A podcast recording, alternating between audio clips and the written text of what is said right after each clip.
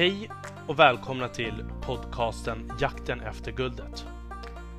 Denna podcast får ni följa mig, Armond Faltin, i min resa att hitta nya drivna vänner i jakten efter guldet.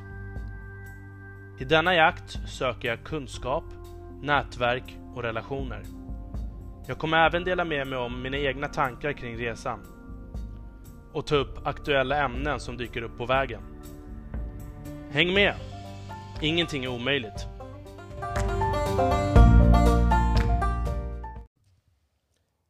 Hej och välkomna allihopa till ännu ett avsnitt av Jakten efter guldet.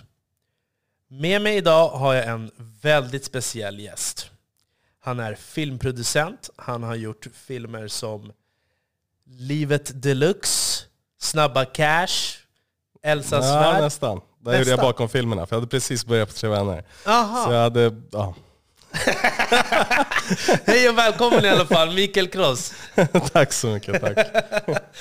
Ja, kan du få höra den här korrigeringen då? Vad var det jag sa fel? Då hade jag nog precis kommit in på produktionsbolaget Tre Vänner som hade gjort eh, Snabba Cash. En eh, fantastisk producent som heter Fredrik Wikström Nicastro.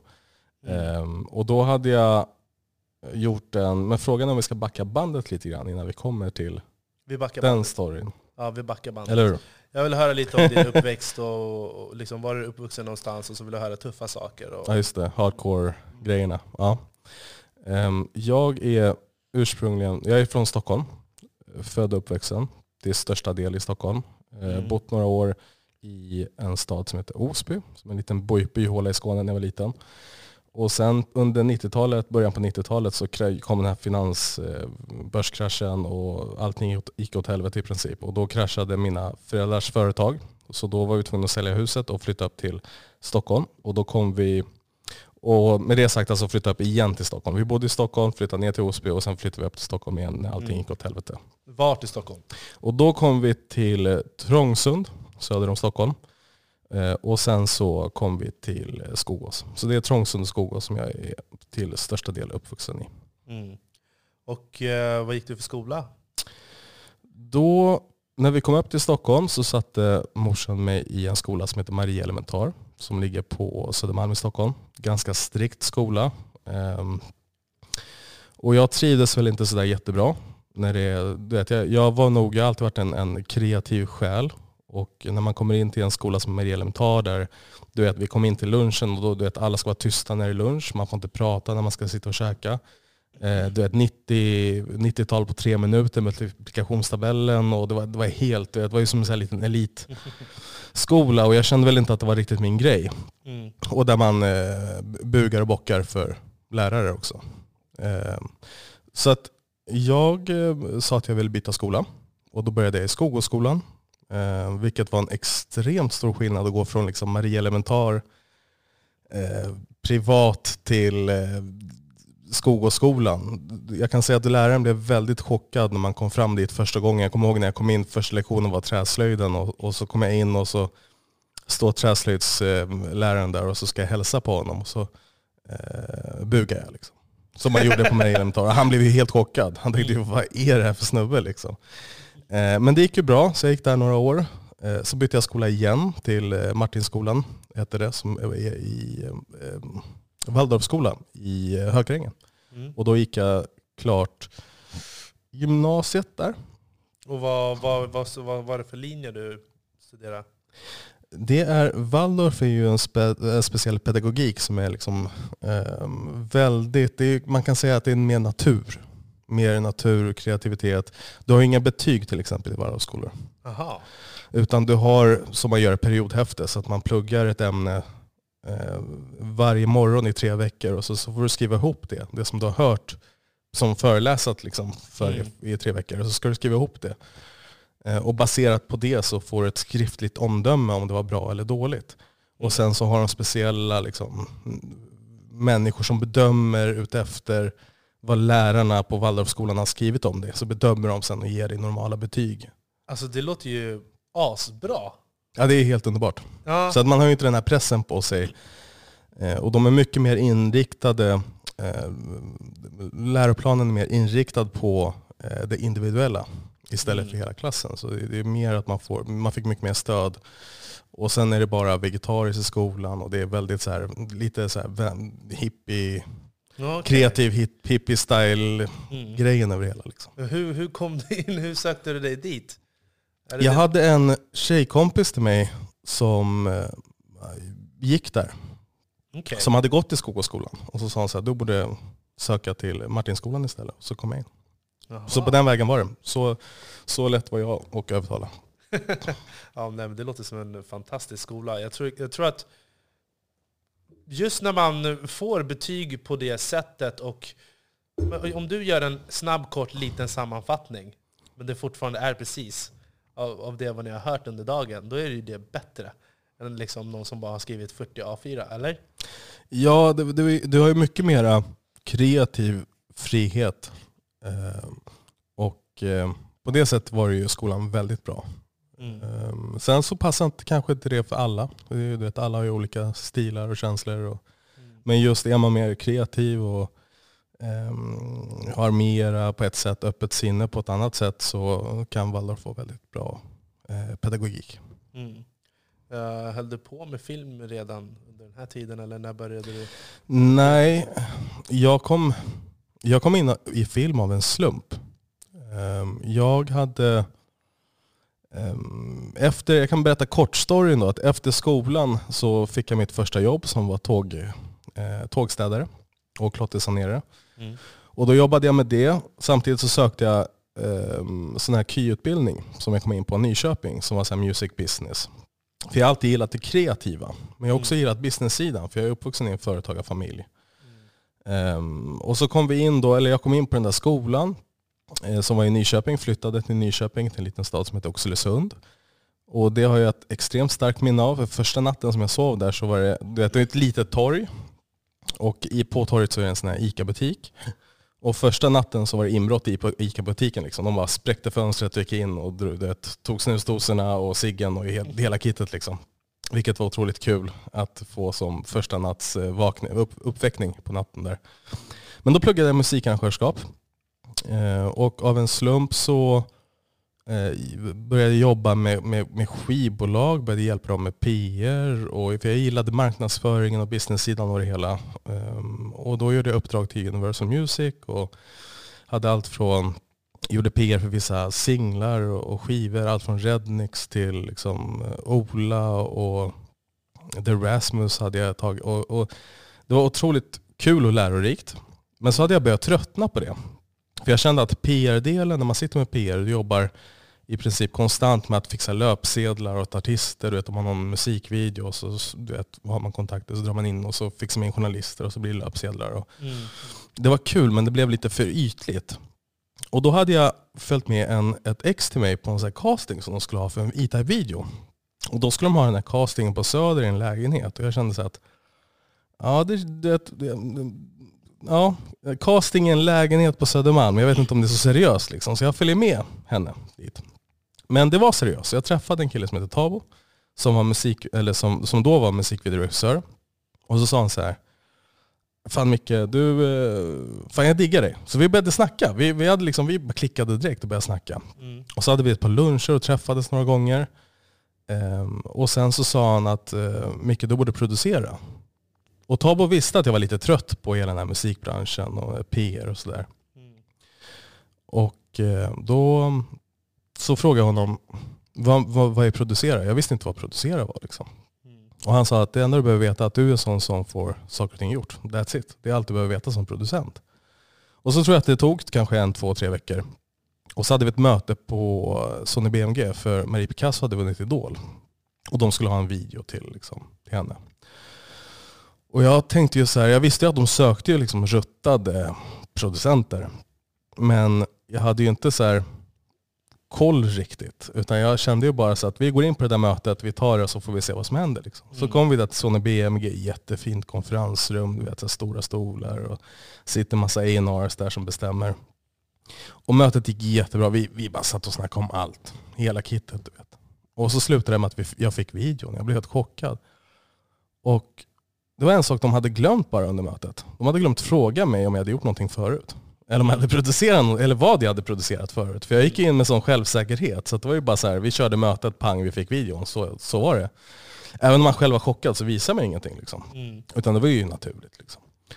Så de glömde fråga mig och jag fick videon och så kände jag så här, vad har jag gett mig in på? Du vet, jag kunde ingenting att producera, jag hade ingen koll.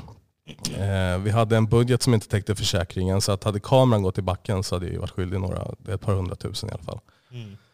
Um, så man var ju nervös. Men å andra sidan så känner man så att du måste liksom komma ut utanför din comfort zone för att liksom våga um, utvecklas som människa. Och då kände jag att vi gör det.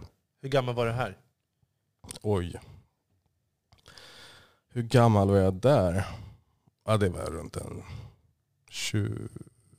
20-ish någonting. Jag kommer inte riktigt ihåg. Alltså. Du, ja, men då har jag du måste kolla upp det där. Alltså. Nej, men det var en period som gick väldigt fort. Liksom. För att jag har Mm. alltid sett äldre ut än vad jag egentligen har varit. Så att jag fick ju liksom här stor, med jobba med skivbolagen så trodde de ju säkert att jag var liksom 30 bast. Men då var jag kanske bara 18 eller 19 eller vad det var Ja, för någonting. Så jag fick ju ganska mycket ansvar direkt för att folk tog för givet att jag var äldre än vad jag egentligen var. Och jag har alltid, jag alltid haft en så här ung, vad ska man säga, en, en, en ung, gammal man i mig. Liksom Mm.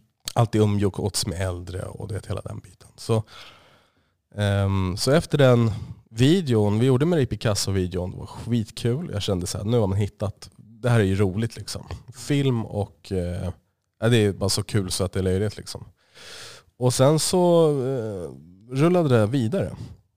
Och så läste jag i tidningen att Alban skulle göra en låt med, med Hathaway. Eh, han som har gjort den här What is love? Ja precis, Nej, jag tänkte fråga om alla de här grejerna. Det är perfekt att du berättar. Ja, precis. Och, så, så, så, och jag visste ju att han, han hade en snubbe som idag är en väldigt god vän till mig som heter Camillo som gjorde alla hans musikvideos. Liksom. Och, ehm, så jag tog reda på Albans nummer och ringde honom och sa Tja, jag heter Micke, jag vill göra din video till liksom, den här nya låten som jag läste om i Aftonbladet eller vad det var för tidningen. Och så säger han så här, men kom ner till eh, vad var det, Humlegårdsparken som ligger där vid Scandic Englé. Liksom. Mm. Och jag bara, ja, okej. Så jag satte på mig liksom kläderna och sprang ner till parken, för jag hade kontor inte långt därifrån.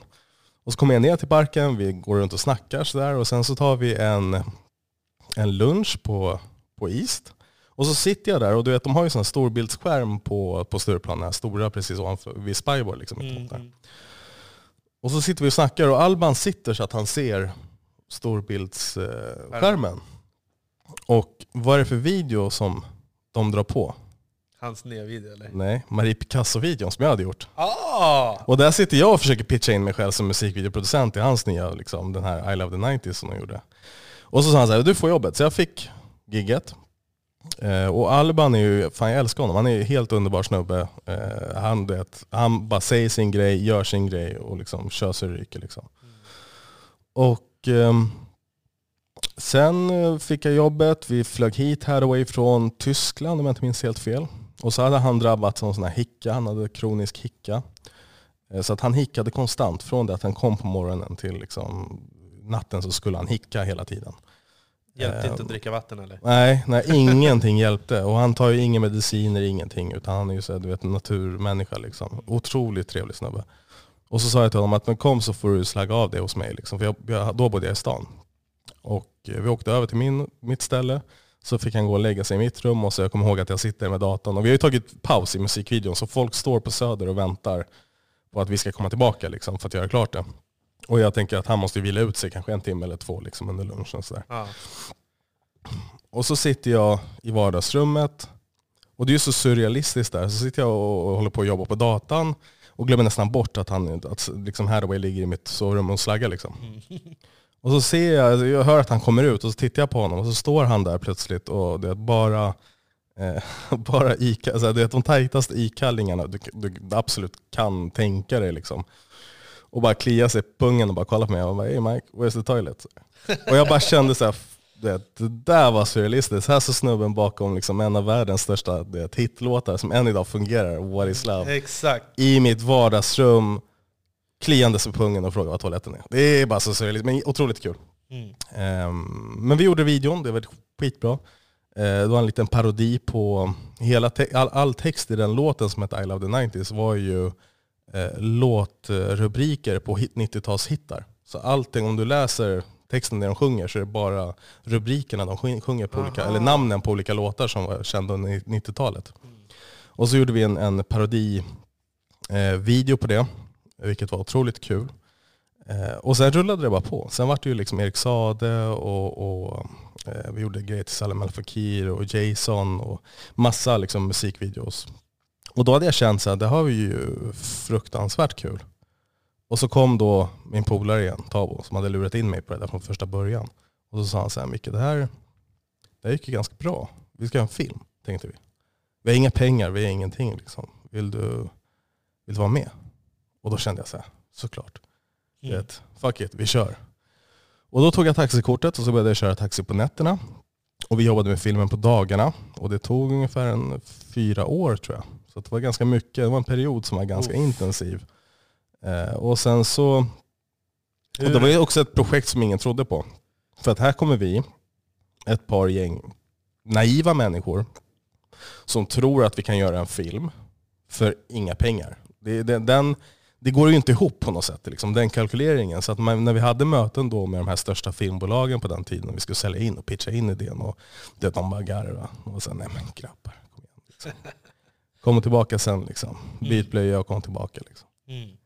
Ehm, men då, vi fixade det. Vi fick in de här liksom, 200 000, 300 000 och så kom jag på 700 någonting sånt där. Och så gjorde vi filmen. Ehm, och så hade den biopremiär i, jag tror att det är 2010 hade den biopremiär. Mm. Och den här filmen var? Psalm 21 hette den. Och skräck, Exakt, skräckis. Men jag satt, då var jag exekutiv producent och jobbade mer med business eh, PR och, och den delen av det. Och Tavo var producenten liksom för det. Mm. Och Fredrik Hille regisserade. Ja, jag tänkte det också. För jag, när jag kollade igenom eh, vad, vad det var för grejer du hade gjort, och då tänkte jag ah, skräck. Fan, jag kan inte kolla på skräck. Hur, men men det, det är en kristen skräckfilm. Um, jag frågar mig inte vad det var för någonting. Jag tror att det var ett experiment. Alltså, Ja, det var så här, vi gör den här, det handlar ju om en snubbe som, en, en, en präst som eh, ska upp till Norrland och, och, och ta reda på vad som hände hans pappa som hade dött. Liksom. Och så har vi massa spöken och du vet, flickor som har konstiga ansikten. Och det, det, det var väldigt det var psykologisk skräckfilm. Så antingen gillade man, gillade man den filmen eller så gillade man inte alls den filmen. Mm. Eh, Men för oss som gjorde den så kände vi så att vi vill bara göra det för att få erfarenheten av det. Liksom, har du fått ut en film på bio, då har du i alla fall gjort det. Precis. Eh, Och då kan vi inte ångra oss sen. Liksom. Vi skulle ju ångra oss om vi inte hade gjort det. Om vi hade lyssnat på alla de här som, som då kunde någonting som sa att Nej, men ni borde inte göra det här. Du vet, hade vi lyssnat på dem så hade vi inte kommit någon vart. Så att jag tror att det var det som var erfarenheten av det. Sen om filmen var bra eller dålig, skitsamma. Så länge du får det gjort. Och det tror jag generellt gäller på något sätt i livet. Om du tar dig an någonting så bara gör det bara. Mm. Säg I'm sorry sen. Liksom. Men så länge du bara gör det. Precis. Men under de här fyra åren, var det någon dag du liksom inte hade någon mat hemma? Eller alltså, finns det några tuffa... Eller var all, flöt allting på bra? Liksom? Du sa att du körde taxi på nätterna och det måste ju ändå Ja. ha varit lite, ganska tufft att hålla på. Nej men det var ju liksom tufft, för du kan ju inte köra 24-7. Det går ju inte liksom. Du körde ofta 12 timmars passen. Så att du börjar sex på kvällen och så slutar du sex på morgonen. Det var ju liksom det. Och sen så fick du sova några timmar och så jobbade vi med filmen. Sen var det ju ganska flexibelt också så att man hade ju tid att kunna planera. Men det var ju perioder som man inte kunde betala. Man fick inte tillräckligt mycket pass så kunde du inte betala hyran. Eller du fick, det var för dåligt kört vissa dagar. Eh, De stängde av telefonen flera gånger för mig. Liksom. Det, var ju, det var en sån här Eh, på nå- men, men, men på ett sätt så var det ju, tror jag att det var bra för att det är ju när du går igenom de här mest smärtsamma stunderna som du verkligen känner så att Off, nu är jag nere på botten. N- när, du, när du är där nere, så det finns bara ett sätt och det är ju uppåt sen. Det låter så klyschigt så att det är löjligt men det stämmer. Så att, har du väl gått igenom det så lär du dig plötsligt att uppskatta också sakerna dagar runt omkring dig. Att du har tak över huvudet, att du har en säng att sova i. Så att du lär dig uppskatta på ett helt annat sätt. Och det har ju också till och med att när jag var yngre, det här var ju en story som, alltså det har ju också kommit att forma mig en händelse när jag var 13 så gick min broder bort, min, min, min äldre brorsa liksom gick bort då. Som hade varit en ganska stabil, eh, liksom en inspiration, en stabil grund som hade alltid varit där. Och plötsligt när du rycker bort någon sån eh, människa från ditt liv så blir du vet, det är ju som att rycka bort mattan och så du vet, kastas du ner i ett extremt mörker. Eh, och man lär sig hantera det. Så att på ett sätt så tror jag att de här otroligt tragiska händelserna eller de här otroligt så här, jobbiga stunderna i livet, de här mörka stunderna i livet, att det oftast det handlar om perspektiv. Du måste se det på ett visst sätt. Du måste se det på ett sätt som, ska, som, som gynnar, eh, gynnar din utveckling. Så att är du med om jobbiga tider, det är ett vänd på steken. Se så här, okay, på vilket sätt kan du lära dig av det här? Mm. Först uppskatta det du har runt omkring dig. Liksom. Så att, och jag har alltid haft den, som sagt, den, den perspektivet på saker och ting. Så du kan ta ifrån mig allt. Jag skulle ändå vara ganska nöjd med livet. Liksom. Nej, men det är samma här. Jag förstår exakt vad du menar. Och eh, när det händer sådana här tragiska saker som när någon går bort och sådär, per automatik så går det upp i level. Sen helt plötsligt så finns det vissa saker som andra inte kan relatera till. Och jag, jag, jag förlorade ju en, min pappa när jag var 11. Mm. Så att jag förstår, jag tror inte det är samma, det är aldrig samma sak för någon när någon går bort. Nej. Alltså alla har sina egna relationer och, och, och, så vidare. Uh, men det är fortfarande gemensamt att du kan aldrig mer prata med den här personen. Och uh, du måste ändå gå vidare. så att, uh, man måste lära sig, liksom, jag tror också, det, det, det är som sorg är en sån sak som att liksom, det är aldrig någonting som går över. Det är bara att du lär dig att leva med sorgen. Du lär dig att hantera det på ett visst sätt.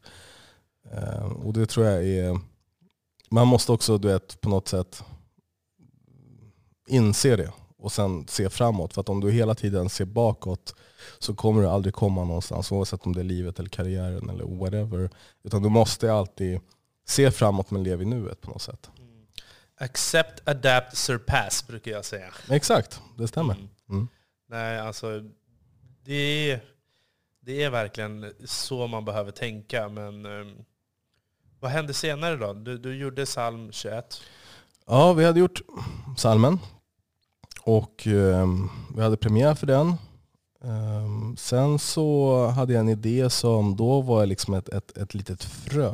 Alltså från det att jag hade kört taxi på nätterna så hade jag sett de här riktiga poliserna på gatan. Och de här, eh, vad ska man säga, du vet Stockholm by night, det här äkta på något sätt. Och då på den, sidan, på den tiden så var det inte du vet, man, man sitter och så får man så bilder i huvudet. Du vet, man åker du vet, tunneln här utanför, den blåa tunneln och bara du vet, shit vad coolt det här skulle passa i en film. Man, får så här, du vet, man börjar fantisera. Liksom. Och då började jag fantisera om, om att skapa någon sorts av film eller serie som handlade om liksom, på gatan, du vet, man ska känna den här känslan från när man du vet, från när jag satt i bilen. Liksom. Mm. Och eh, då hade, träffade jag på eh, Dragomir Misic. Förlåt. Du får klippa sen. eh, men då träffade jag på eh, och, och Tabro, som, de skulle göra en zombiefilm. Och jag hade inte riktigt suget på att göra en zombie. Och då gjorde de en pilot i den. Och då träffade jag Dragomir när jag var på besök till dem på piloten. Eh, när de spelade in det. Och vi klickade som bara den. Liksom. Så vi blev goda vänner. Och så började vi liksom snacka om den här liksom idén. Och, och, och det visade sig att Gago, som han kallas, Dragomir eh, hade också gått i liknande tankar. Mm. Så vi satte våra huvuden ihop och började liksom knåpa och vända och vrida på det. Och så sa jag till honom att men vi gör en, en eh, vi gör en, en pilot på det. Vilket innebär att du spelar in, det är en extremt dyr powerpoint-presentation. Så att du, gör en, du spelar in, du tar scener hipp som happ som du kan fantisera ihop. Eh, du spelar in, typ, vi gjorde två dagar action och två dagar drama. Och så måste du fixa pengar till det, det kan kosta ett par hundratusen. Har du någon god vän som har mycket pengar så det, det löser sig, du kan alltid sälja in det. Men vi gjorde piloten, vi fick loss det. Um, och då hade vi en, vi klippte ihop det till en och en halv minut trailer så att det såg ut som en riktig trailer. Liksom. Um, och den visade vi upp, så här, filmbolag, det började cirkulera. Och så hade vi ungefär ett A4 med själva idén mm. på det. Det var väldigt enkelt. Och då på den tiden så fanns det ju bara typ Johan, du hade Johan Falk, de tidiga Johan Falk, du hade eh, Wallander, Beck. Det var mycket mera eh, du vet, softcore inom mm. liksom crime-genren på något sätt. Och vi ville gå hardcore. Det var liksom det som var grejen med Alex. Eller Det misstänkta som den hette då. Och då kom den på produktionsbolaget Tre Vänner. Eh, och det här som jag kopplade till i början där. Eh, så Fredrik Wikström eh, hade vi möte med, jag och Gago. Och sen så slutade det med att de ville att jag skulle jobba där med dem och ta in då Det misstänkta. Mm. För att utveckla den serien vidare. Och sen eh, så kom jag där och, och, och, visste att jag skulle få sitta längst bak i tåget om jag tackade ja till det. Så att jag hade en kravlista på en A4, så jag kom med liksom A4 med krav liksom på. Och de var helt chockade. Och vad stod det där då? Jag bestämmer? Nej, men det var ju sån här grej att jag ville kunna producera, du vet jag ville inte vara låst hos dem. Utan jag ville kunna producera på andra, vet, andra saker utöver dem och kunna bygga mitt eget bolag och liknande. Liksom. Men ändå ha ett samarbete med dem så att jag ändå skulle vara producent hos dem. Precis. Och jag var nog den enda, eller första då, som så producenten som fick igenom de villkoren. Så att jag kom in dit till, till Tre Vänner och började jobba. Vilket var en otroligt spännande tid, för man visste ju att när som helst kan jag stå utanför dörren. Det, är liksom, det här är ju, Tre Vänner då var ju ett av de största independentbolagen i Sverige. De hade gjort Camilla Läckberg-filmerna, Snabba Cash hade de gjort. Eh, och återigen Fredrik Wikström som var producent då, numera eh, filmchef på, på SF. Eh, han, var ju en, han, har ju allt, han är en, en av de absolut största producenterna, fantastisk snubbe. Liksom. Så det var, en, en eh, var riktigt kul att komma dit och verkligen gå bakom honom och lära sig allting hur det där funkar. För att vi hade ju inte fått några tips eller råd när vi gjorde Psalm 21. Psalm 21 var ju tvungna att klara sig själva. Det var ju så att koka soppa på en spik. Nu fick man tillgång till massa information, till hur det funkar, det här organiserade. Eh, så det var ju bara att sitta där och liksom ta in allting. För jag visste att när som helst, de kan bara kicka ut mig. Så det är lika bra att ta in och lära sig så mycket det bara går. Mm. Men eh, alltså, jag, jag, kände ju hela tiden själv, när jag, när jag såg Alex, så blev det bara så här. Man hör musiken, ångesten. Jag tyckte verkligen att ni har fångat allt. Och det är ju, precis som du sa, Johan Falk är ju extremt verklighetstrogen. Alex är också extremt verklighetstrogen. Folk förstår inte det. men när du pratar också om att sälja in de här projekten och, och, hur mycket pengar det handlar om bara för att göra en liten pilot. Alltså hur mycket pengar finns det i branschen egentligen? Eh, då var ju tv-serier precis på uppgång. Du mm. vet, då, då började ju, för att du får också tänka på att det här var 2000, eh, 2012, 2013 där runt årsskiftet. Och då hade ju och då hade ju streamingen eh, börjat, det var precis i början av streaming.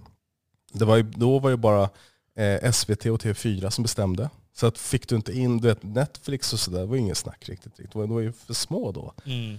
Eh, och folk köpte ju fortfarande DVD-er.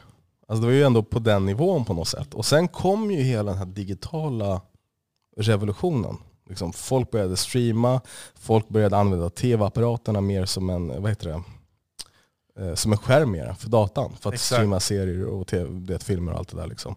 Och så kom Netflix och sen kom det Simor och det via MTK då som var ganska tidigt ute. De började ju satsa eh, på, på vad heter det, serier. Bland annat Elsa Svärd som jag gjorde när jag satt på Tre Vänner, säsong två där. Mm. Det var ju en av de första riktigt stora webbserierna som de testade med, med eh, Ellen Bergström i, i huvudrollen.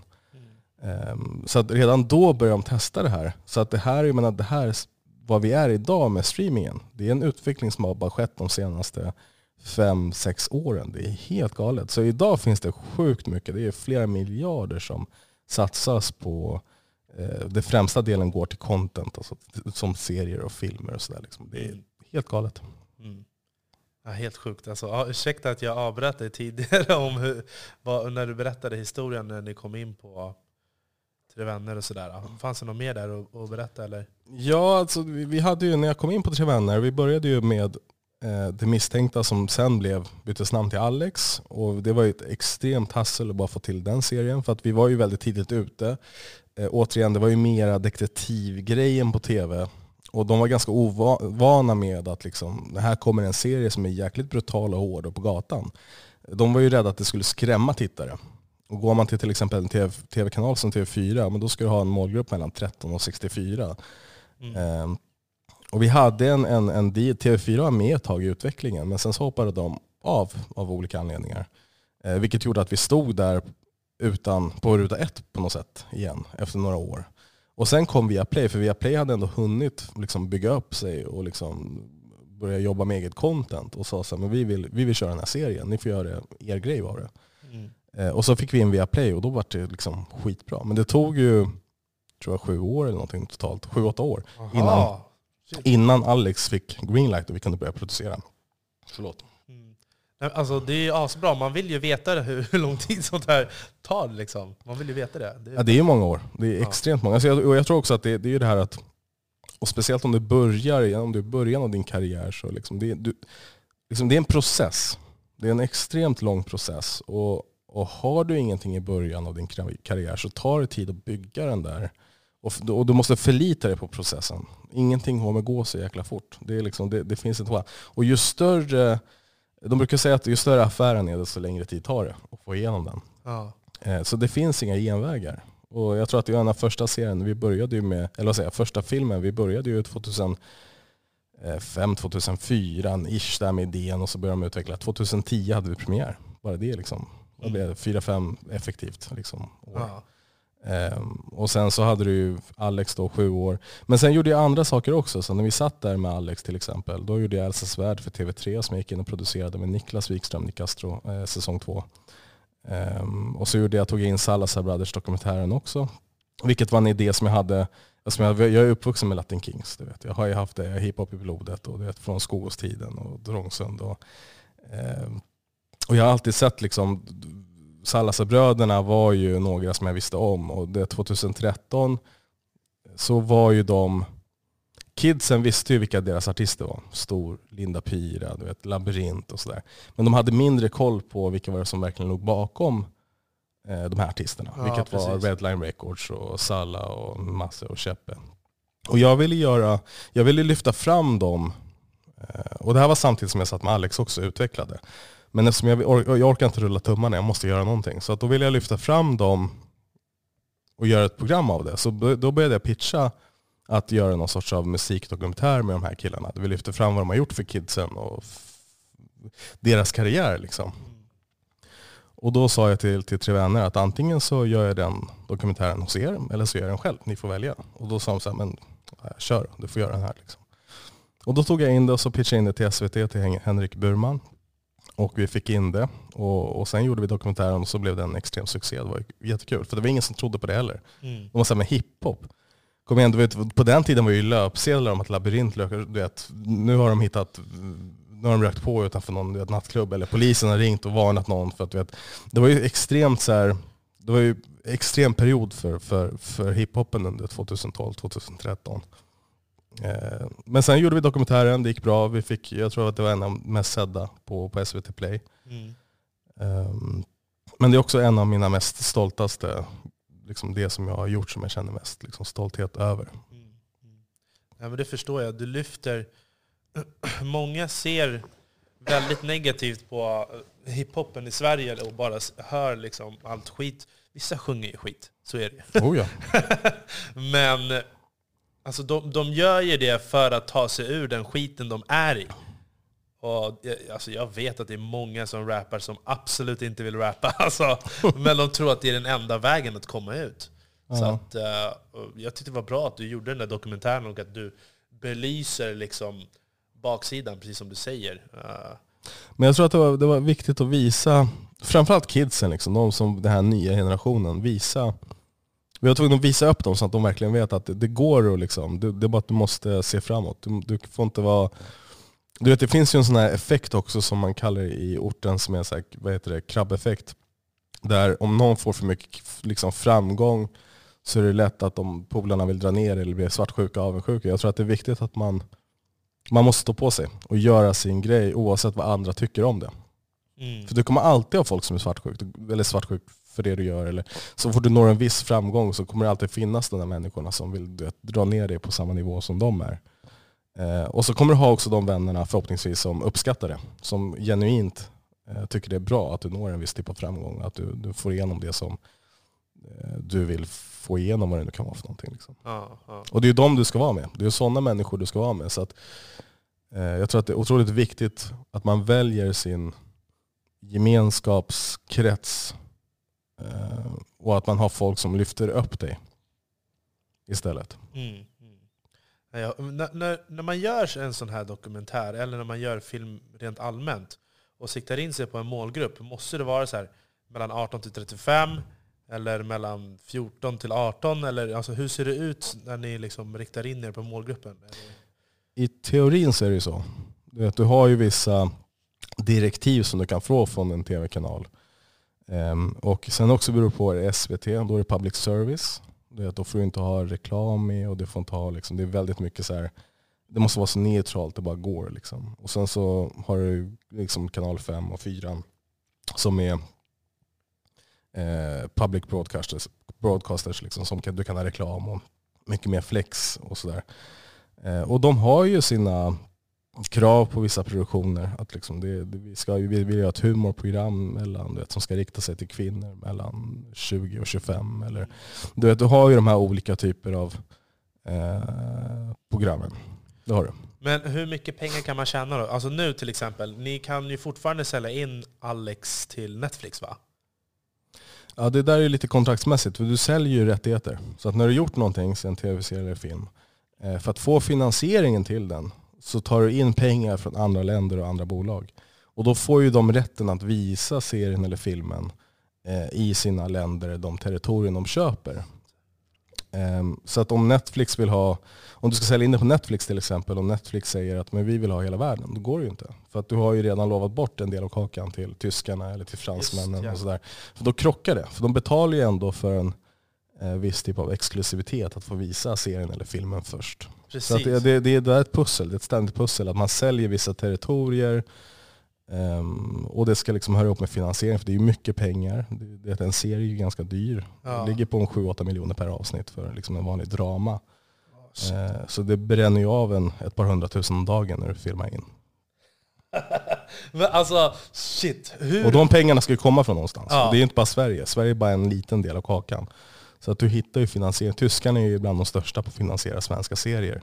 Jag tror okay. att ungefär, nu för några år sedan var det liksom 50% av alla serier som gjordes var ju med stor del tyska pengar. ZDF i Tyskland, som är som TV4s motsvarighet i Tyskland. Uh. Um, så de gick ju in och finansierade stora delar också. Men alltså, hur väljer man vilka det är man ska satsa på? Alltså, är det ingen bra deal att gå, gå in hos Netflix? Eller då är det bättre att sälja till länder själv? Eller vad? Ja, jag tror så att det beror på från projekt till projekt. Och jag tror att du, du måste ju, um, vad ska man säga, går du till Netflix och de säger så men du får, ni kan få 20 miljoner för allt. Mm. Men vi vill ha alla rättigheter. Då är det ett problem. För att om du vet att serien kommer att kosta 60 miljoner att göra, eller 70, hur ska du då sälja dem? Du, du har inga rättigheter att sälja, du har ingenting mer kapitaliserat ja. på. Så det, då måste du tacka nej till den dealen. Mm. Men om du kan komma över, det, det, det finns ju olika typer av deals, det finns ju ingenting som är riktigt satt i sten. Så att allting är en förhandlingsfråga när du förhandlar med de olika tv-kanalerna. Mm. Um, och när det är film, ja, då kan du, göra, du kan till exempel göra filmen först med privat kapital eller vet, olika typer av finansiering. Film är ju lite mer avancerat, det är lite mer olika delar. Serier, då vet vi att okay, det här är summan, vi har den här samproducenterna och du vet, nu kör vi. Medan filmen, så du måste ha fonderna, du måste ha privatkapital, du måste ha eh, Filminstitutet. Det är liksom sju, åtta olika källor som du får pengar till. Precis. Så det är, en, det är hela tiden en konstant förhandlingsfråga. Och din roll är ju också att sätta ihop, för, för jag läser lite skillnaden, vad är en producent och en exekutiv producent? Och, kan du förklara lite? Ja, um, du vet, I USA har de så här, mera strikta lagar kring det. Liksom. I Europa är vi mycket mer lösa kring det. Men man kan säga att en producent är ju um, en person som um, är lite grann spindeln i nätet, som har ett helikopterperspektiv och, och liksom som ser till att uh, filmen uh, blir gjord från idé. Som hit, det kan vara en person som hittar idén, som liksom utvecklar den vidare, får in pengarna, får den producerad, eh, får den gjord och sen släppt på marknaden och sen har koll på det. Det är liksom producentens, eh, producenten är du vet, ansvarig för det. Ja, ja. Eh, sen har du till exempel exekutiva producenter som kan vara, det kan vara människor som har, som har en extremt viktig del av, av serien eller filmens uppkomst. Det kan vara att, det, att personen har gått in med pengar, eh, personen kanske har hjälpt till med kontakter. Det är någonting som den personen har gjort för att filmen ska kunna bli gjord. Mm. Som i mitt fall, jag är exekutiv producent på Alex också. Så att förutom att man är, har varit med som skapare efter det och det, hela den biten, eh, så är jag exekutiv producent eftersom jag har varit med och fått till serien. Även om jag inte har yttersta, yttersta ansvaret för det, vilket Niklas Wikström de Castro då hade på säsong ett. Um, och det är det som är exekutiva producenter. Och I mm. USA har de till exempel regler att du måste ha minst eh, bidragit till 25% av budgeten för att få kalla dig exekutiv producent.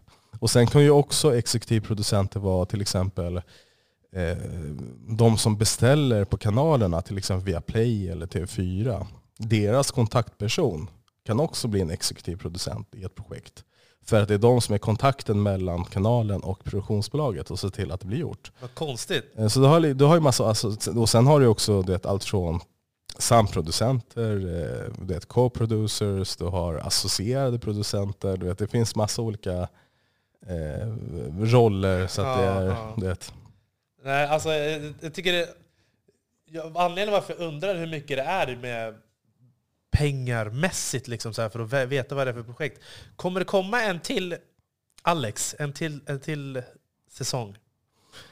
Jag kan säga så här att jag läste i någon tidningsartikel i USA som skrev att, att eh, en trea var på gång. Så mycket kan jag säga.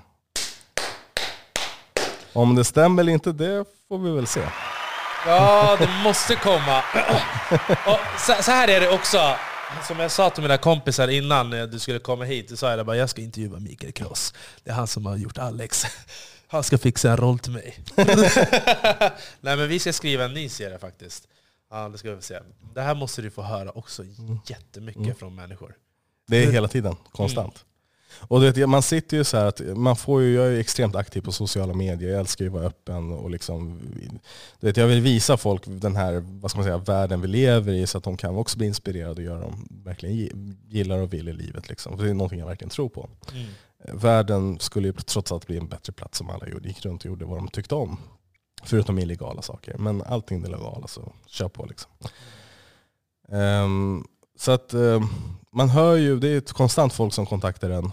Eh, och samtidigt så när jag sitter med ett projekt, eller flera projekt, kan vara två, tre, fyra projekt samtidigt. Då är min fokus du vet, på dem de kommande åren.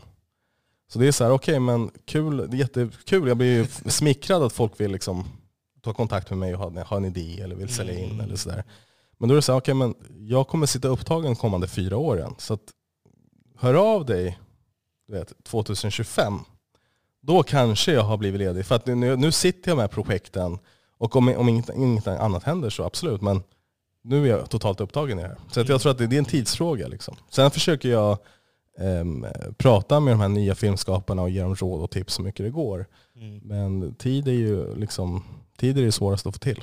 Som sagt, Alex tog ju en jäkla massa år. Och jag tror Salazar Brothers var den som tagit minst år, så två eller tre år tror jag, Brothers, att få till den. Liksom. Det tar sån tid alltså. Ja. Och Elsa Svärd tror jag också låg på det där, men Elsa Svärd, då hade de ju redan gjort säsong ett av Elsa Svärd. Mm. Och Den var redan etablerad, så då var det liksom bara att komma igång och producera eh, säsong två när jag kom in. Ja. Nej, alltså, när man hör hur lång tid det tar, då är det klart att du inte absolut, absolut inte har tid att eh, egentligen hjälpa någon annan. Men hur castar ni? Alltså, jag, jag Nej, men jag kan ju ge råd och sådär, det är ju inget problem. Det, Mm. det, det, är det är det minsta jag kan göra. För jag kommer ihåg när jag ringde Filminstitutet, vi höll på med Soundchat, vi hade fått in, vi skulle få in våra första pengar, det var någon privatfinansiär som bara, "Ja, men jag vill gå in pengar. Och eh, vi tyckte det var skitbra, och så, men vi var såhär, är det moms på pengarna? Så vi ringde Filminstitutet, vi tänkte någon måste ju veta, det är ju Filminstitutet. Ja. Och de bara sa, men vi vet inte. Och vi fick inte liksom, jag fick ju inte liksom prata med någon som kunde det heller. Och sen den dagen så har det känts som att jag vill aldrig vara den personen som bara liksom stänger dörren och bara, men jag kan inte, hej då, Mm. sköt dig själv. Utan kan jag hjälpa så gör jag gärna det. Mm. Eh, Kan jag inte så kan jag inte. Men finns det en möjlighet då, då kör jag. Liksom. Mm, precis. Alltså, vem var det som kom på BG? Vem var det som hittade BG? Jag tror att det där var något eh, med manusrum. Där Aha, vi satt där. Alltså.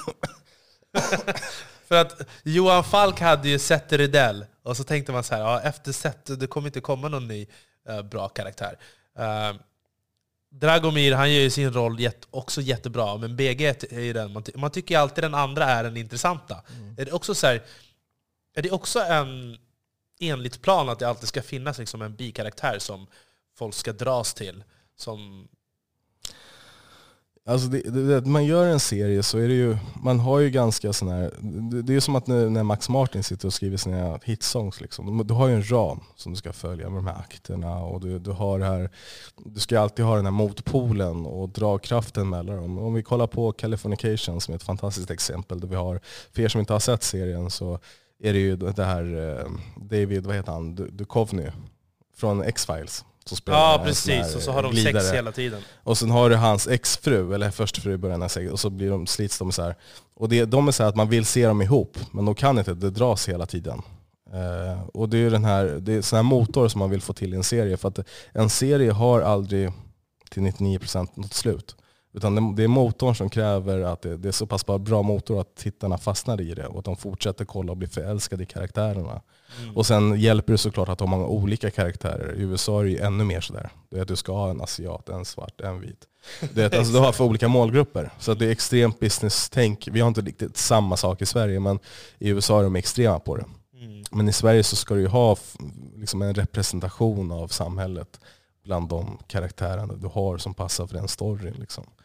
Eh, sen ska det kunna utspela sig det, det, viktigaste när du ser det är karaktärerna. Sen ska det kunna utspela sig om det är i en mc-klubb eller om det är på månen. Det spelar ingen roll. Liksom. Folk ska förälska sig i karaktärerna. Det, det, är det som är en bra serie. Och så att du har de här motorerna mellan karaktärerna mm. som gör att du vill se dem hela tiden. Du vill återkomma. Fan, jag vill att de ska kyssas eller jag vill att de ska bli tillsammans. Men de blir aldrig det. Och så. Mm. Du vet, den här mystiken. Du ska hela tiden hålla tittarna på, på liksom kanten. På något sätt. Och nu har du gjort en, en annan som jag såg på Instagram, Vitt skräp. Ja det är en film. Ja, så när vi satt, ja vi mm. började med den 2014. och då var en kompis med, jag satt och utvecklade Alex, återigen uttråkad på att det tog så jäkla lång tid. Och en, en vän till mig som jag delade kontor med där på Tre Vänner, eh, Helena Danielsson, som är en fantastisk producent också, hon gjorde nu senast Quick-filmen som fick Guldbagge. Eh, hon sa till mig att Micke, jag vet att du gillar action, jag vet att du gillar fart. Du borde du vet, eh, träffa Ola. Och jag sa, är han också sån eller? Hon bara, ja han älskar action och grejer. Liksom. Så hon satte ihop mig och Ola Rappas med, eh, på en lunch. Mm. Så jag träffade honom efter den lunchen så sa han att jag vill jobba med dig, vad har du på gång? Och jag sa att jag hade ingenting på gång men att vi kan skapa någonting. Vi gör det. Mm. Så, Fuck it, vi kör, vi, vi vill jobba tillsammans, vad kan vi hitta på? Och så sa han så här, men det finns en liten grej bara, att jag ska iväg och göra någon annan film om typ ett år. Så att vi måste göra den här filmen nu. Och vi, vi hade ju inte ens någon idé. Liksom. Mm. Och då började själva den här grejen, konstruktionen till att vi gör den här filmen. Eh, vitt skräp som vi ville göra. En, vet, jag har alltid haft en fascination för liksom 80-70-talsmiljö. Och, och, vi började liksom knåpa ihop den här idén. Så det var som en process. Vi kom på idén allt eftersom. Att vi började bara med ett frö. Eh, och så hade Tobias Nordqvist eh, som regisserar Vitt skräp. Han har jobbat många år med musikvideosarna sedan tidigare. Så vi tog in honom som regissör och, eh, och sen började vi tillsammans med också en manusförfattare, Anton Hagvall. Eh, förlåt, men lite, jag är lite sjuk fortfarande. Drick lite vatten eller ta lite te eller någonting. Vi tar, det, vi, jag kan babbla lite här i bakgrunden, det är ingen stress. Mm. Nej, men så att vi hade, då hade vi Ola Rappas, vi hade Tobbe och vi hade eh, Anton Hagvall på, på första versionen av manuset. Liksom. Och då började vi processa det. Um, och eftersom vi inte hade så mycket pengar, jag tror jag fick en typ 1,2 miljoner i början så där, från en privat finansiär. Mm. Uh, och jag sa kör, för att Ola drar iväg sen så vi måste ändå börja spela in. Så då delade vi upp inspelningen. Så vi gjorde, första inspelningen var du vet, huvudscener. Typ alla viktiga scener förutom när de går till ett eller annat ställe. Så vi skippade alla de här transportsträckorna som det kallas. Mm. Du vet om du ser en, en, kollar på en film och så ser du, du vet han står på affären och nu ska han därifrån och så ser du att han sätter sig i bilen och åker därifrån. Det kallas transportsträcka. Och då tog vi bort alla dem. Så vi jobbade bara och spelade in huvudscenerna. Mm. Och sen tog pengarna slut. Och så var vi tvungna att vänta några år till tills vi fick nya pengar. Och då hade ju Ola varit på den här inspelningen och sådär. Så då var han tillbaka, så då skulle du synka allting, att det ska se exakt likadant ut. Och det här var ju en 80-talsfilm, så allting var ju tvungen att vara liksom helt synkat med vet, hela Tiden. kittet. Liksom. Eh, och totalt sett så blev det tre stycken inspelningsperioder fördelade på fyra år ungefär tror jag. Wow. Och sen klipper man ihop det, sen var det klippning och vet, eh, postproduktion på det. Eh, och då skulle du få allting att se ut som samma film i princip. Så att många filmer i scenen, eller många scener i filmen har vi, det ser ut som det är samma scen. Men det kan vara att hälften är inspelad 2013 och sen hälften av scenen är inspelad 2015 någon annanstans. Wow. Alltså, och, och när du säger att, att pengarna tar slut, är det för att ni eh, hyr utrustning och sånt då? Eller det är inte att skådespelarna stoppar in sina pengar i fickan? Eller? Nej nej nej, det är kostnaderna som Ja. har med liksom, så att det, det, det, de tog slut. Det fanns inga pengar på banken. Då måste du ta paus. Då är det så, okej vi har nästan. Och då klipper man kanske, liksom, eh, då, då sätter man ihop eh, scener, klipper in och så försöker man få in nya finansiärer. Och vi fick in Svenska Filminstitutet, Beiki Karim som älskade, eh, han såg någon så här rough cut av filmen och älskade det. Så fick vi då eh, pengar från Filminstitutet för att kunna göra vissa kompletterande scener och liknande. Så det var ju liksom, jobba tills pengarna tar slut, vänta lite grann, försöka pitcha in det så får vi nya pengar och sen fortsätta igen. Ja. För att i vanliga fall, vi hade ju inte, Filminstitutet gick in med utvecklingsstöd så vi fick inte själva produktionsstödet. Och i vanliga fall kan man säga att en producent som gör de här stora, de här stora filmerna, får du inte in produktionsstödet så gör de inte filmen. Då skippar de, det kan vara en skitbra idé men de skippar den. De bara, Mm. "Äh, fuck it liksom, vi fick inte in pengarna från Filminstitutet så vi skiter i det här. Och vi hade ju inte, vi ville göra filmen. Vi ville göra vår film.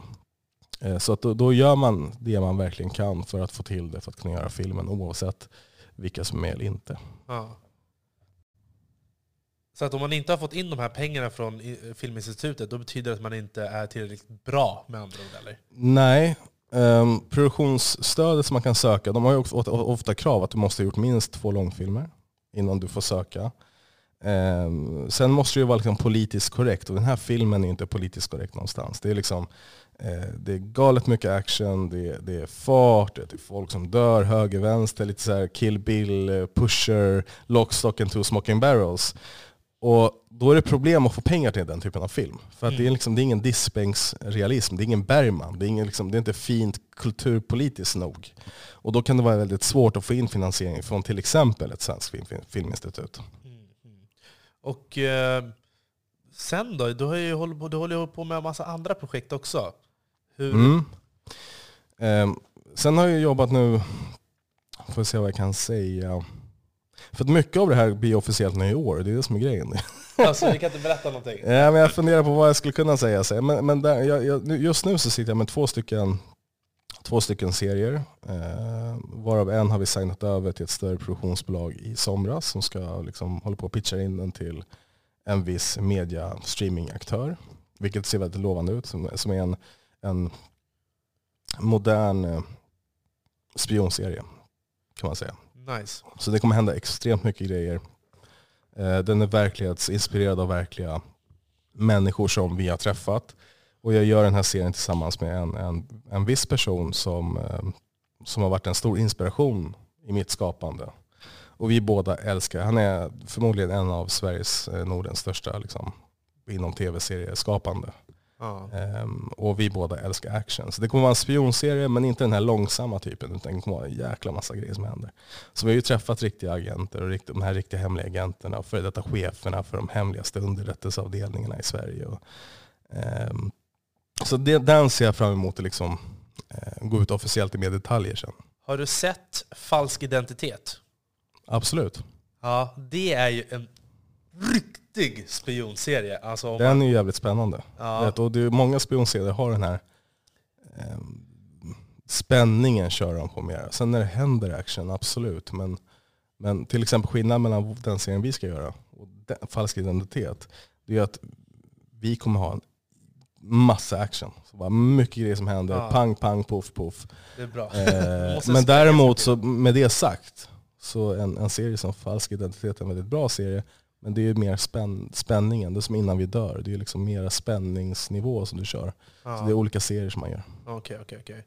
Nej, jag, tycker, jag, jag älskar sådana här, jag brukar alltid säga, mina kompisar säger det, du tittar bara på filmer där det sprängs och exploderar. Så, det måste vara så. Eller så får de sätta på en manga eller någonting. Det måste vara action hela tiden. Uh, Nej, men man har ju de här tricken också. Det är, det är en grej som, man, du vet när du gör film eller serier. Så idag är det sån extrem konkurrens. Du konkurrerar ju med telefonerna.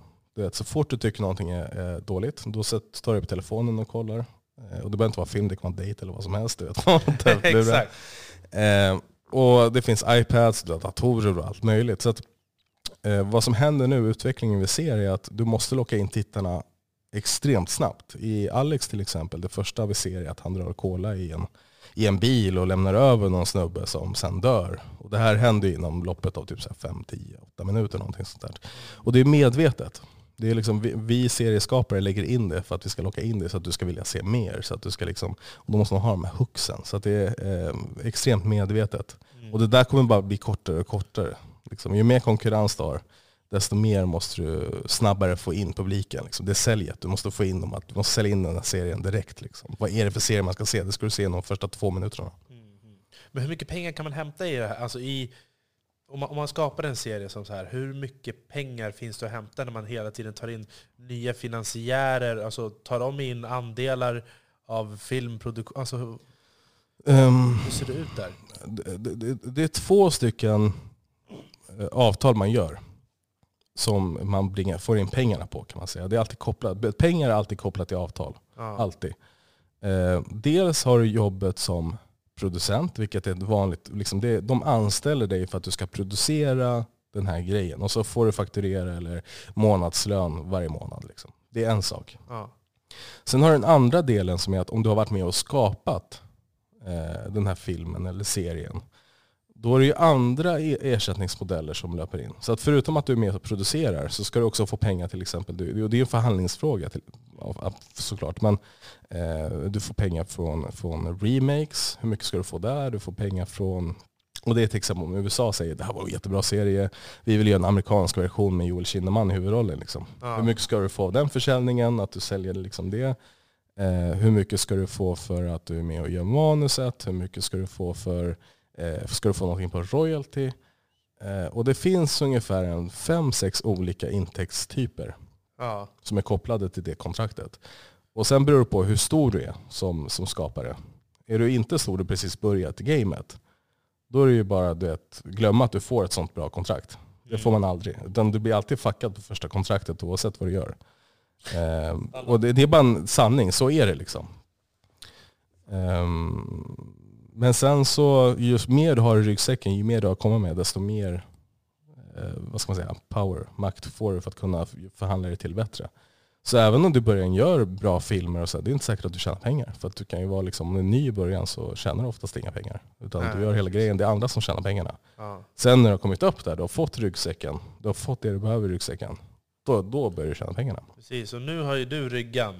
Och nu jäklar är det bara Exakt. Ut, så det är nu det hämta liksom. pengarna. Ja, ja nej, alltså jag tycker det är sjukt intressant. Just det här med hela businessbiten runt omkring.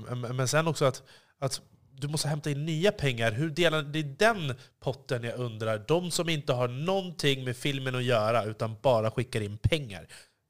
De, de får, får, inte ju... del av royalties och sånt? Jo, de, de blir samproducenter. Blir de. Så säg att eh, eh, vad ska man säga, TV4 äger 10% av filmen eller serien, då får de 10% av intäkterna. Okay. Eh, som går, om det är filmens eller serien sänds vidare eller vad det nu kan vara för någonting. Hur många kan det vara på en film alltså, eller på en serie? Hur många? Ja, det kan vara kanske att du har eh, en sån som Viaplay i Sverige och så har de rättigheterna för att visa serien i Norden.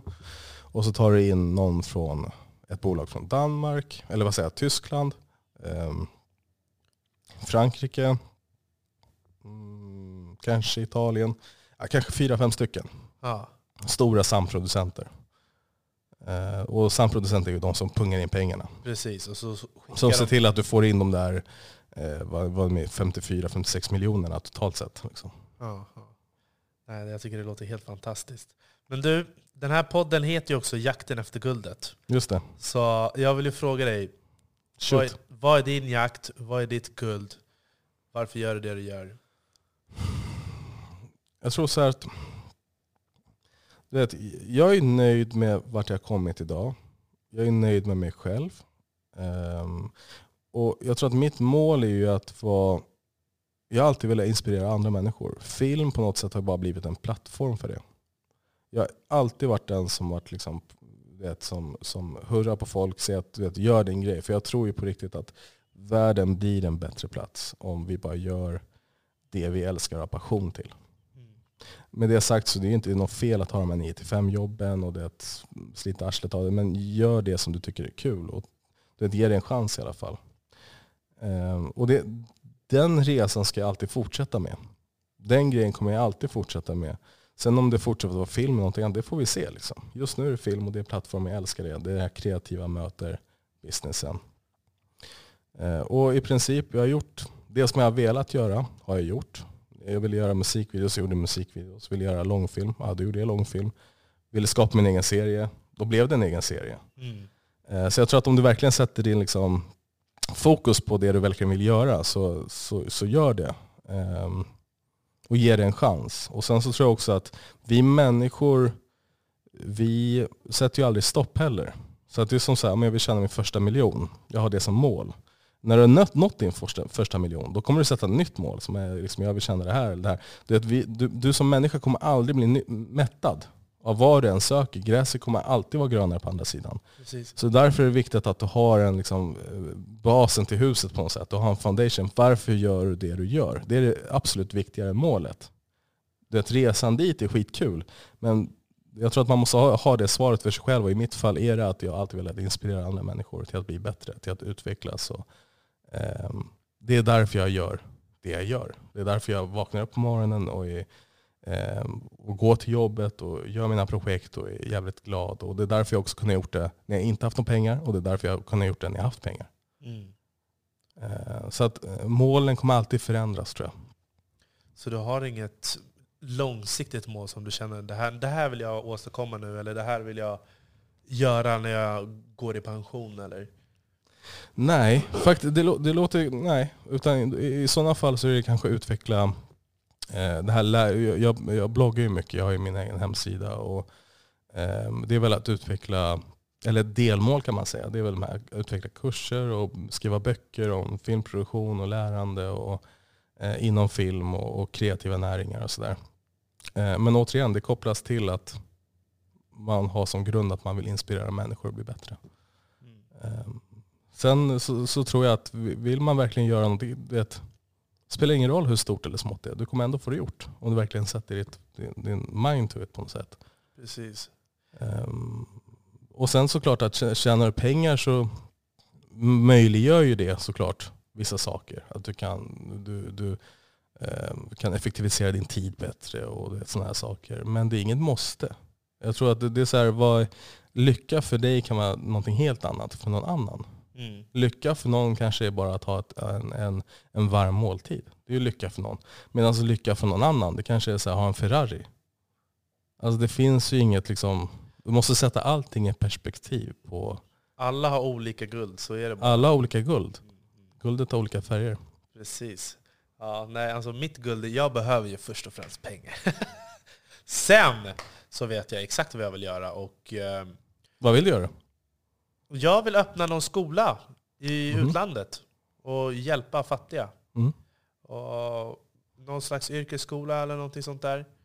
Men jag vill också ha pengar som gör att jag kan eh, investera i lokala projekt uh, av människor som man stöter på. Jag vill ju bo i ett u-land. Uh, jag har bott i Thailand förut och jag, tycker att det är mer liv och det är mer liksom rörelse. Jag gillar att bara kunna öppna fönstret klockan två på natten och bara lukta vad det är för matvagn som står under och höra liv och ljud och barn som spelar fotboll. Alltså, här, allting är stängt.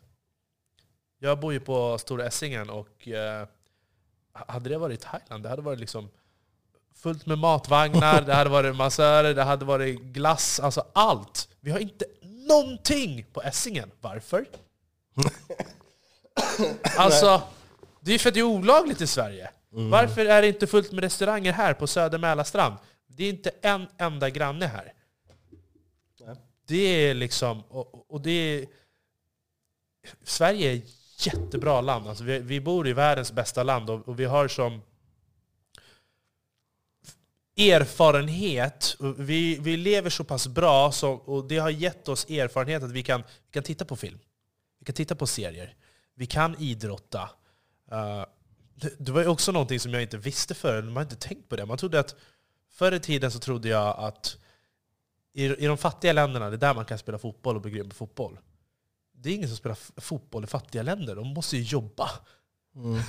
Mm. det är de rika som idrottar i fattiga länder. Mm. Och, och, liksom lite sådana små saker. Mm. Så, och jag kände att jag vill bo i ett u-land och skapa förändring och liksom bara njuta. Jag, behöver inte ha, jag skulle aldrig kunna ha en Ferrari eller en fet klocka, för där jag vill röra mig så skulle det direkt göra mig till en måltavla. Eller att den klockan kan liksom vara flera personers hus. Mm, mm, mm. Så att, eh, men jag vill ha pengarna för friheten och kunna göra det jag vill göra. Mm. Så att, eh, det är väl det. Ja, men pengar kan ju ge dig frihet. Sen är det bara att titta. Eh, Jag tror också att du måste såklart ha en viss typ av, Eh, du vet, om du inte vet var du ska gå någonstans så går man ju vilse. Alltså, du, vet, du måste ha en karta. Så jag tror att det är viktigt att man gör en sorts av eh, roadmap till eh, vart man ska och hur man vill nå dit. Men samtidigt så är det otroligt viktigt att inte glömma, återigen det är så klyschigt, men man får inte glömma att det handlar egentligen om resan. För tiden går så fort. Till slut sitter du där 70 bast, 75 bast och bara, vad tänkte jag på liksom? Jag var bara 35 eller jag var bara 20 och så gav jag inte det en chans eller jag tänkte inte på det. Eller det, så har du jobbat hela livet och så inser du att du har glömt bort allting som hänt runt omkring dig för att du var så egoistisk i dig själv. Mm. Ehm, ja, det är intressant det där, otroligt intressant. Men jag tror att i slutändan allting handlar om perspektiv bara. Mhm. När du pratar om det här med egoistiskt i sig själv och sådär, känner du, har, har du känt dig egoistisk när du har valt dina saker som du har gjort? Du har ändå gjort uppoffringar. Har du haft människor i din närvaro som liksom har blivit ovän med dig eller liksom tyckt att du har varit självisk? När du har... Nej, jag har väl haft turen att jag har haft mycket bra människor runt omkring mig. Ehm, och hade de inte varit bra så hade jag väl kapat det. Alltså på något sätt. Jag känner bara att ehm, det viktiga är ju att du ska må bra såklart. Men att du ska också få, du vet, det, är aldrig, det är aldrig ett solojobb. Du gör aldrig någonting solo. Allting är ju teamwork. Alla filmer, du vet, alla serier, du vet, alla projekten. Det är ju inte jag som sitter som kungen på täppan utan det är ju liksom ett team på, ehm, på, på Alex, hur många hade vi där? Kanske 120 pers som ser till att det, liksom, det blir gjort. och Så, där. så att man gör aldrig någonting själv. Eh, och kommer det folk som är svartsjuka eller avundsjuka eller som inte vill se det lyckas på ett eller annat sätt, det är bara att kapa det. Liksom. Och det kan vara otroligt svårt. Och, eller så kan det också vara människor, det kan vara till exempel i mitt fall har jag haft föräldrar som varit otroligt förstående och hjälpt mig i du vet, allt från pengar. Nu är inte de, eh, har inte varit de, de, de som har haft de mesta pengarna så sett, men, men jag har kunnat få lån, jag har behövt det och, och vet, så här, att de ändå har ställt upp för mig Mm. eh, när, de, när de har kunnat ställa upp för mig. Eh, men jag vet ju att det finns människor som, Ehm, som inte har den möjligheten, som inte har de föräldrarna kanske, som inte tror på dem. Eh, och det är kanske bara för att vissa människor, de har ju sitt perspektiv. Det kanske är eh, folk från äldre generationer som inte kanske förstår de målen som man har eller vad det nu kan vara. Då är det bara, det är ett, så, sånt är livet på något sätt. Men man får inte tappa bort sig själv i det. Även om det är din mamma som säger att du är keff. Så får du tappa dig, för du är inte det. Liksom. Ja. Nej men så är det ju. Ehm, det kan bara att hon kanske refererar till att liksom, pluggade man inte när hon var ung så det var det dåligt. De Eller är inte lika insatta som en själv i det man gör. vara. Nej. Ja, och, eh, men eh, om du skulle få rekommendera någon annan till den här podden, vem skulle det vara? Oj. Jag, jag skulle faktiskt vilja höra Fredrik Wikström de Castro som är filmchefen på SF. Ehm, han är en otroligt eh, bra snubbe. eh, väldigt diplomatisk och, och eh, har varit med om mycket i livet. Mm. Kanske det, men det är från ett filmperspektiv återigen. Aha. Eh, man blir lite filmskadad när man jo- jobbar med film. Du vet, man umgås bara med filmfolk och sådär. Liksom. Men då får vi se, Kanske någon skådis. Jag, ska jag, jag, ska, Ja, jag ska tänka på det. Kanske någon skådis som är extravagant. mm, precis. De brukar vara roliga. Och eh, som jag också alltid brukar säga till alla mina andra gäster. Jag vill jättegärna bjuda in mina gäster som jag lärt känna. Först och främst, den här podden är till för att jag ska nätverka och skapa riktiga nya relationer samtidigt som jag vill dela kunskap i podden. Så att eh, om du vill komma tillbaka till podden och prata om ett ämne så är du mer än gärna välkommen. Och. Samtidigt om du vill bjuda in någon annan, jag vill liksom vara ett medel här. Eh, Mm. Så att eh, det vore jättekul. Guld. Så länge, tack så jättemycket att du kom hit. Stort tack för att jag fick komma och vara med på podden.